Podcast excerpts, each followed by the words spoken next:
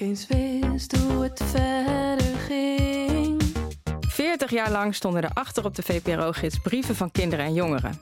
Vol vragen, problemen, wensen en frustraties. Sommige hilarisch, andere hartverscheurend. Ik ben Elja Looyenstein en ik was redacteur van deze legendarische rubriek. En in deze podcast ga ik op zoek naar de mooiste verhalen achter de brieven. Kwam ik thuis van school, want dan ging ik heel snel naar de brievenbus. Ah, sta ik erin? Denkt iemand van jullie ook wel eens of heel vaak dat de aarde kan vallen? Ik ben erg bang dat ik lesbisch ben.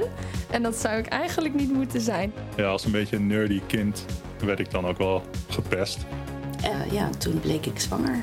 Eigenlijk zat daar heel weinig vooruitgang in, totdat de VPRO-gids bij ons op de mat viel. Ik geloof dat de academie mijn moeder wel had gebeld over deze brief. Wat er nou in godsnaam allemaal aan de hand was.